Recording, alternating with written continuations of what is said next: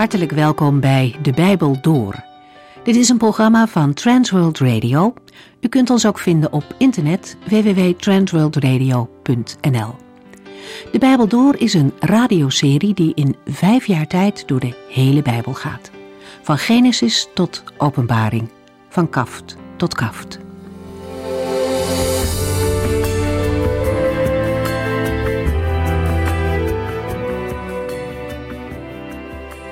Mocht u meer informatie willen hebben over het werk van Transworld Radio of over deze serie, kijkt u dan op onze website transworldradio.nl of belt u overdag met 0342 478432. Ook vandaag lezen we verder uit Haggai. De vorige keer hebben we gezien hoe het volk reageerde op de boodschap van deze profeet. Als hij verteld heeft dat de Heere zijn zegen niet geeft omdat zijn huis verwaarloosd wordt en nog altijd niet herbouwd is, komt het volk tot inkeer. De woorden van de profeet raken hun hart. Ze beseffen dat de Heere God gesproken heeft. Wat een verschil met vroeger tijden, voor de ballingschap, toen het woord van Gods profeten maar al te vaak niet serieus genomen werd. Meteen volgt ook een reactie van de Heere. Ik ben met u, zegt hij. En wat is dat een bemoediging? De tempel ligt nog steeds in puin en de mensen hebben zich net gerealiseerd dat ze enorm tekortgeschoten zijn ten opzichte van hun God. En dan is Gods eerste reactie: Ik ben met u. Het is een prachtige boodschap die vaker in de Bijbel klinkt. De Heer Jezus, hij zegt het vlak voor zijn hemelvaart tegen de discipelen. Ik ben met u tot aan de voleinding van de wereld. Het is een boodschap voor iedere man of vrouw die zich richt op God. Al zijn we nog zo onvolmaakt, al is er nog zoveel puin om ons heen, als we ons tot de Heere keren, dan is zijn antwoord: Ik ben met u. En dan gaat er ook wat veranderen. De Heere geeft zowel de leiders als de gewone mensen een verlangen in het hart om het werk aan de tempel weer op te pakken. Paulus schrijft in Filippenzen iets soortgelijks. Het is God die zowel het willen als het werken in u bewerkt. Zo genadig is de Heere. Hij wekt ook het verlangen in onze harten op om bezig te gaan voor Hem. Het eerste hoofdstuk van Haggai besluit met de mededeling dat de gouverneur Zerubabel, de hoge priester Jozua en alle mensen die nog in het land waren, bij elkaar kwamen en het werk aan het huis van God weer oppakten. De tijd van moedeloosheid was voorbij. In de kracht van de Heere ging men verder. En dat mogen u, jij en ik ook doen elke nieuwe dag weer.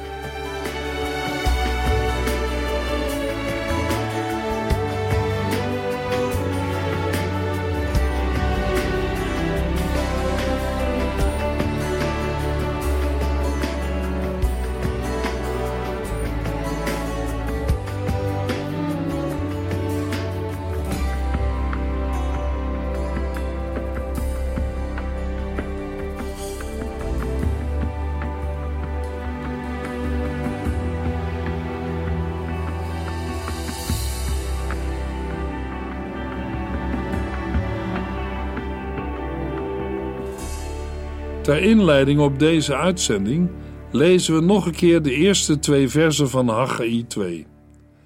Op de 21ste dag van de zevende maand in datzelfde jaar sprak de Heere weer tegen zijn volk door middel van de profeet Haggai.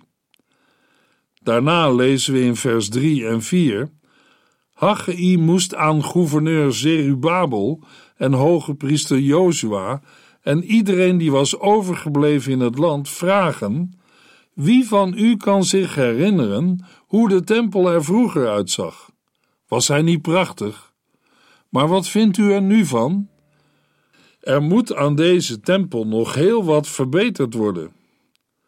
In de vorige uitzending zagen we al dat de Heer opnieuw de profeet Haggai gebruikt om aan de leiders en het volk zijn boodschap door te geven.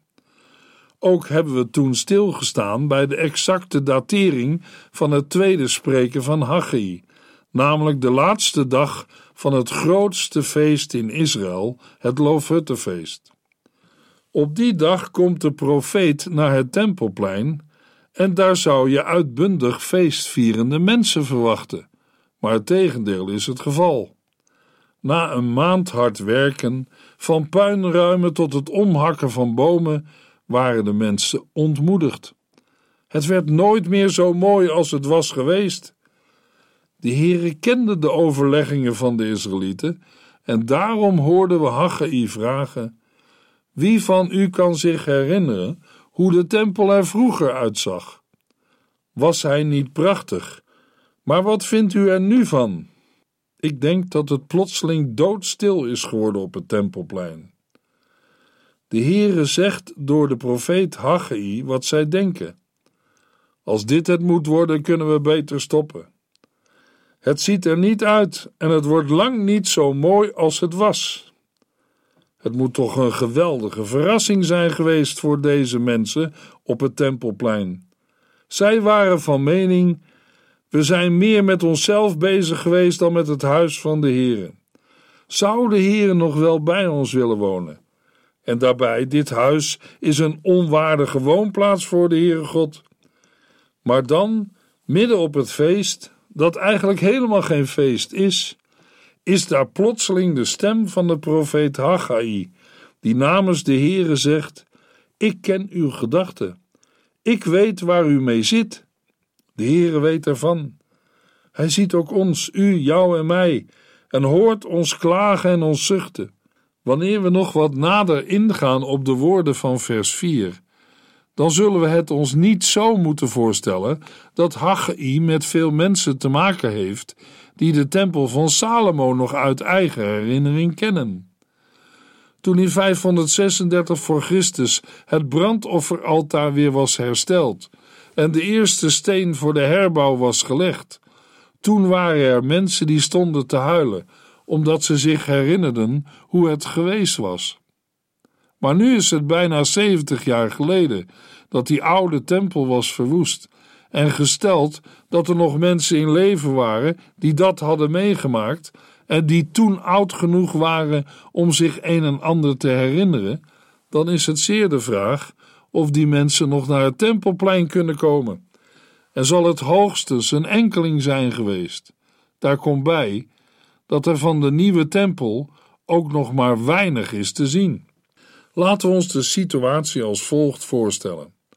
De mensen in de tijd van Haggai, die bezig zijn te bouwen, zien in gedachten de nieuwe tempel al voor zich.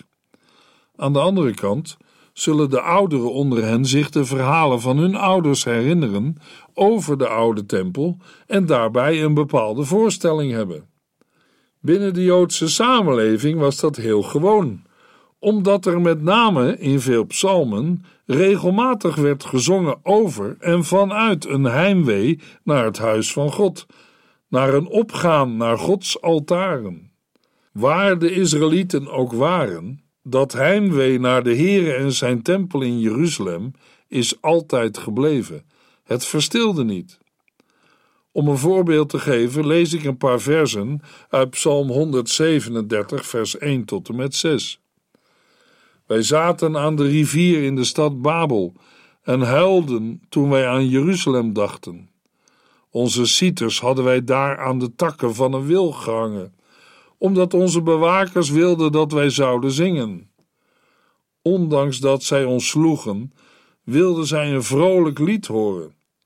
Vooruit, zeiden zij, zing eens een lied over Jeruzalem.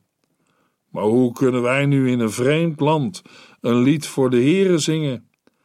Mijn rechterhand mag verlamd raken als ik Jeruzalem zou vergeten, als ik Jeruzalem niet zou bezingen, als de mooiste en hoogste stad, zou mijn tong krachteloos in mijn mond mogen liggen.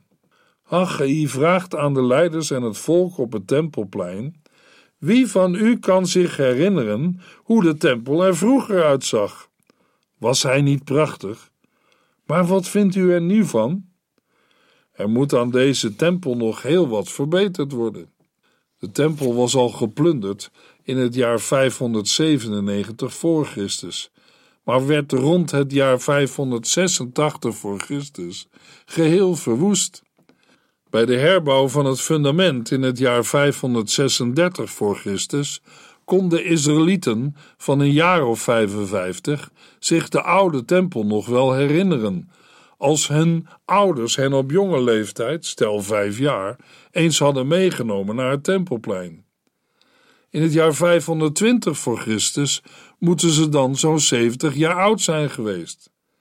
Het zal dan ook zeker geen grote groep zijn geweest die antwoord kon geven op de vraag: wie van u kan zich herinneren hoe de tempel er vroeger uitzag? Ook op de volgende vraag: was hij niet prachtig? konden niet veel mensen antwoord geven. Daarbij moeten we bedenken dat van de heerlijkheid en pracht van de tempel, zoals Salomo die gebouwd en ingericht had, in de loop van de tijd al heel wat was verdwenen. Het begon al onder koning Regabiam, toen farao Sisak de gouden schilden die Salomo had gemaakt meenam naar Egypte. Latere koningen hebben wel weer gaven aan de tempel geschonken, maar die werden daarna soms weer als schatting of afkoopsom aan vijanden gegeven. In 2 Koningen 24 vers 13 lezen we De Babyloniërs haalden alle schatten uit de tempel en het koninklijk paleis en namen alles mee naar Babel. Ook al het goud dat koning Salomo op bevel van de heren in de tempel had aangebracht, haalden zij weg. Deze gebeurtenis vond plaats tijdens de plundering van de tempel door Nebukadnessar in het jaar 597 voor Christus. Maar we lezen in Jeremia 27 dat niet alle kostbaarheden uit de tempel naar Babel zijn weggevoerd. En bovendien stond de tempel als gebouw er nog, want de tempel werd pas in 586 voor Christus verwoest. In Jeremia 27, vers 16 tot en met 22 zegt Jeremia namens de Heere tegen de priesters en het volk: Luister niet naar uw profeten die beweren dat de gouden schalen die uit de tempel werden geroofd binnenkort uit Babel terugkomen. Dat is een leugen. Luister niet naar hen. Geef u over aan de koning van Babel, dan zult u blijven leven. Anders wordt de hele stad verwoest. Als zij werkelijk Gods profeten zijn en het woord van de Heere spreken, laten zij dan bidden tot de Heere van de hemelse legers en hem vragen ervoor te zorgen dat de kostbaarheden die nog zijn overgebleven in de tempel, in het koninklijk paleis en in de andere paleizen in Jeruzalem, niet samen met u worden meegenomen naar Babel. Want de Heere van de hemelse legers zegt: de pilaren die voor de tempel staan, het wasvat op het tempelplein, de staanders en alle andere voorwerpen die koning Nebukadnessar van Babel heeft achtergelaten toen hij alle belangrijke personen uit Juda en Jeruzalem als ballingen naar Babel bracht, samen met koning Jegonja van Juda, de zoon van Joachim, zullen nu toch allemaal naar Babel worden afgevoerd, tot ik ze laat ophalen. Dan zal ik ze allemaal weer terugbrengen naar Jeruzalem. Haggai vraagt namens de Heere: Wie van u kan zich herinneren hoe de tempel er vroeger uitzag? Was hij niet prachtig? Maar wat vindt u er nu van? Vanuit het heimwee, waarvan Psalm 137 getuigt, en dat nooit verstilde, hebben die ouders gesproken over die oude tempel van Salomo. En de kinderen hadden het voor zich gezien, die prachtige witte gebouwen, al dat goud, dat schitterde in de zon, dat sierlijk bewerkte cederhout van de Libanon. En als ze dan de stenen zagen, waarmee ze nu moesten werken, en dat gewone hout van de bergen rondom Jeruzalem, als ze zich dan afvroegen waar ze al dat goud vandaan moesten halen, dan werden ze er moedeloos van. Ja, vroeger was het prachtig, maar wat vinden zij er nu van? Als ze aan het mooie van vroeger dachten, dan was het nu drie keer niets. Luisteraar, kunt u de ouderen uit de tijd van Haggai begrijpen? Want de opwekkingsprofetie van de profeet Haggai is ook vandaag actueel. Ook in de gemeente en de kerk van Christus spelen soortgelijke zaken. Misschien luistert er een oudere die zich de kerkgang, de erediensten en indrukwekkende kerkgang van vroeger herinnert. Ja, toen ging iedereen naar de kerk, naar een christelijke vereniging en catechisatie. Al de kinderen uit je klas, die zag je zondags in de kerk zitten. En ook zij moesten op tijd van huis, want anders was hun plaats bezet. Toen waren de meeste kerken nog vol, tot de laatste plaats, en zongen alle gemeenteleden uit volle borst mee tot eer van God. Maar wat is er vandaag van overgebleven? Misschien herinnert iemand zich nog dingen van vroeger en kun je er met heimwee naar terug verlangen. En als we aan onszelf denken, er zijn veel dingen in de kerk en de gemeente van Christus veranderd, maar de boodschap van de levende God is nog steeds dezelfde gebleven. Met de apostel Paulus roepen ook wij het u en jou toe. Wij smeken u namens Christus. Laat het in orde komen tussen God en u. Want God nam Christus, die geen zonde gedaan had, en belastte hem met onze zonden. In ruil daarvoor rekent God de rechtvaardigheid van Christus aan ons toe. Mogelijk zong u vroeger van harte en uit volle borst mee: Wie heeft lust de Heer te vrezen, het allerhoogst en eeuwig goed? God zal zelf zijn leidsman wezen, leren hoe hij wandelen moet. Het goed dat nimmer meer vergaat, zal hij ongestoord verwerven, en zijn God geheiligd staat, zal het gezegend aardrijk erven. En is dat door de jaren heen nu als niets geworden in uw ogen? Een mens kan ervan zuchten. Ja, er is ook zoveel gebeurd. En er is mij veel overkomen. Ik kon niet staande blijven. Wat heeft het allemaal voor zin? Luisteraar, als wij vandaag bij de geestelijke puinhopen zitten van ons geloof in God, dan kunnen we de stemming op het tempelplein in de tijd van de profeet Haggai wel begrijpen. Het is de laatste dag van het Loofhuttenfeest van het jaar 520 voor Christus. Het zou een blijde dag moeten zijn, maar dat is het niet. Want als de Israëlieten denken aan de tempel van vroeger en dan om zich heen kijken, dan zakt de moed hen in de schoenen en willen ze het liefste het bijltje erbij neergooien. Dan zeggen zij: laten we er maar mee ophouden, het zal ons nooit lukken. Mogelijk is dat ook uw gedachte. Wat wij mensen bouwen en doen, beantwoordt niet aan Gods bedoeling. Het is hoogstens allemaal stukwerk, allemaal onvolmaakt en beneden de maatstaven van de Heere, de heilige en volmaakte God.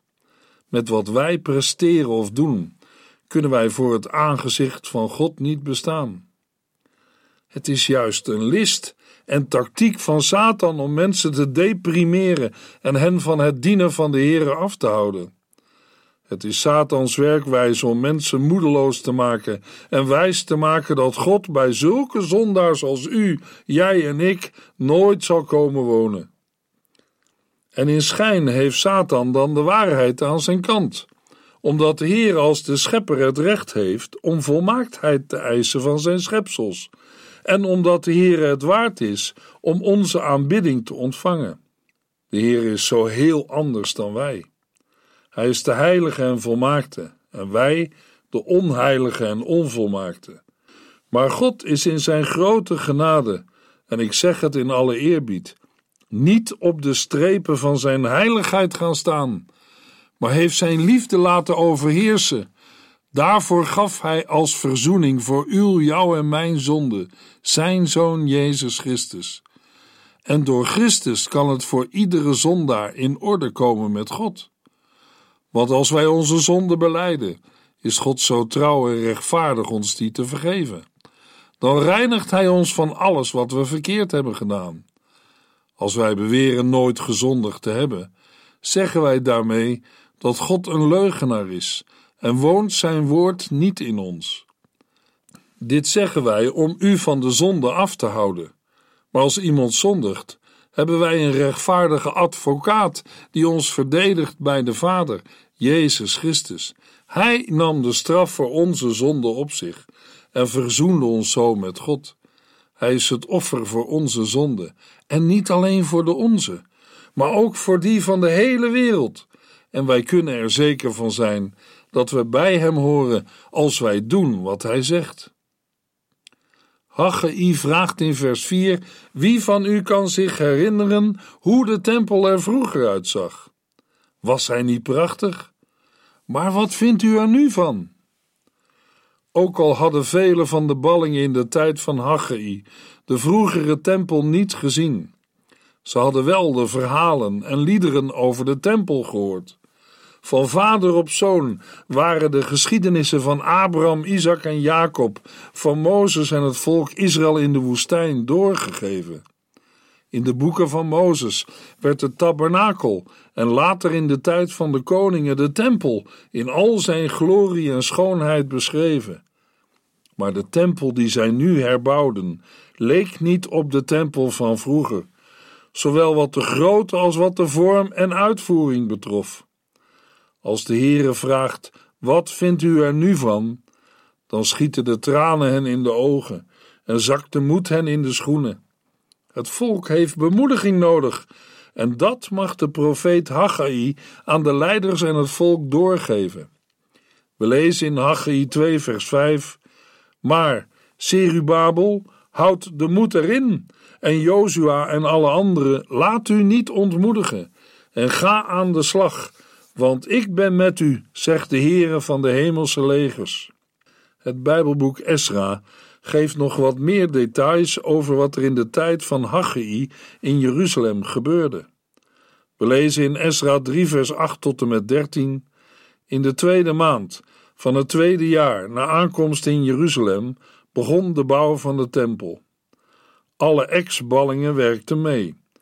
De leiding was in handen van Zerubabel, de zoon van Sealtiel, en Jezua, de zoon van Josadak, en hun broers, de priesters en de levieten. Zij stelden de levieten van twintig jaar en ouder aan om toezicht te houden op de bouw van het huis van de Heere.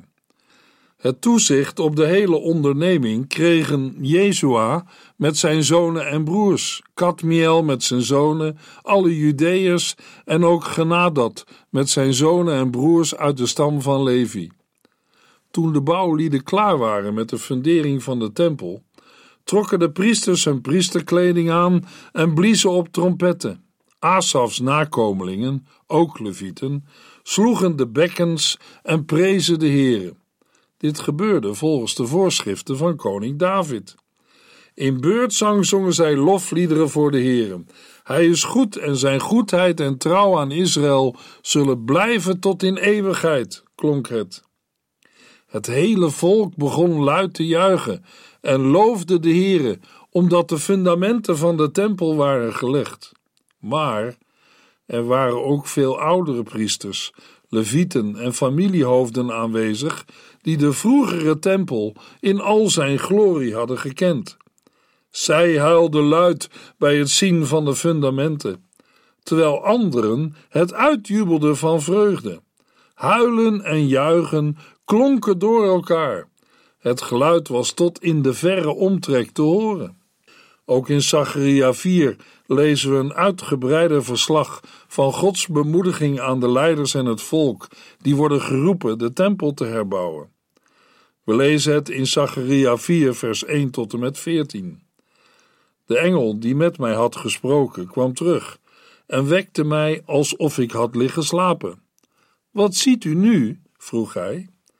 Ik antwoordde: Ik zie een gouden kandelaar met zeven lampen. En bovenaan zit een oliereservoir, van waaruit de lampen telkens weer via zeven toevoerbuisjes van olie worden voorzien.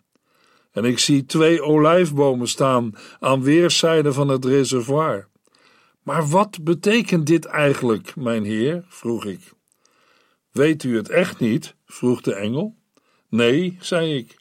Hij zei: Dit is een boodschap van de Heer aan Zerubabel. Niet door kracht of door geweld, maar alleen door mijn geest, zegt de Heere van de hemelse legers.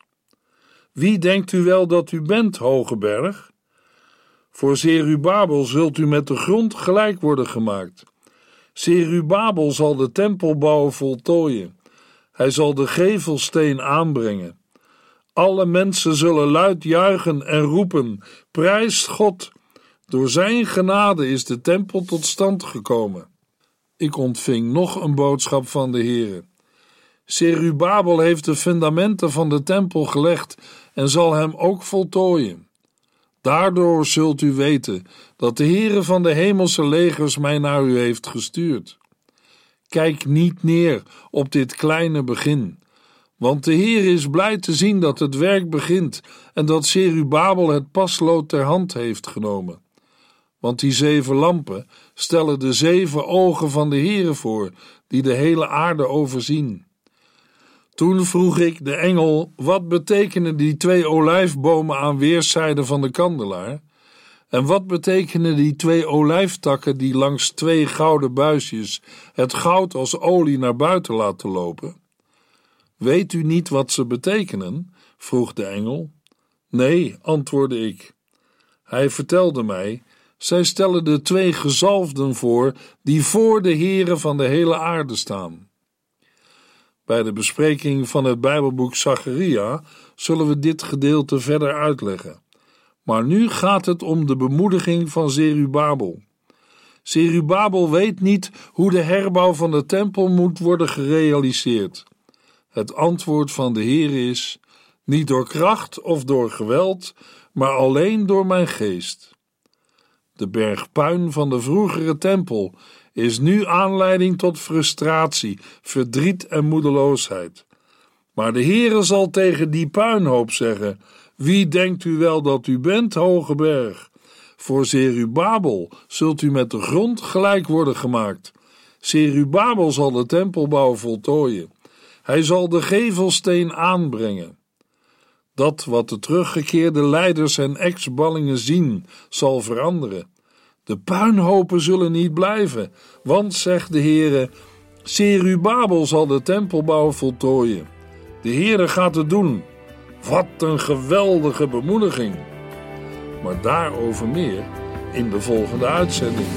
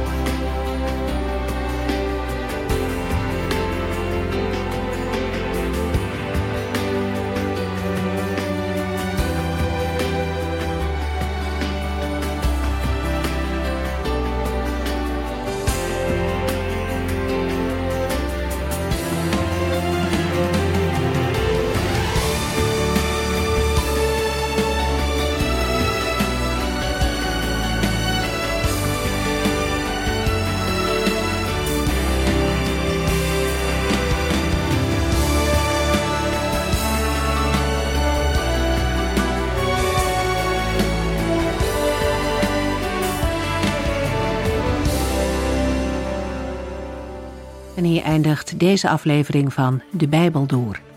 Een serie programma's van Transworld Radio. Wilt u ons iets vragen of meer weten? Dan kunt u altijd contact met ons opnemen. Bellen kan overdag met 0342 478432. Per post Transworld Radio. Postbus 371. Postcode 3770. Anton Johannes in Barneveld. En e-mailen kan ook. De Bijbel door at transworldradio.nl En natuurlijk ook via onze website transworldradio.nl Dit programma werd gepresenteerd door Cor Weda en Ike André. En namens iedereen die er nog meer aan meegewerkt heeft, graag tot de volgende keer.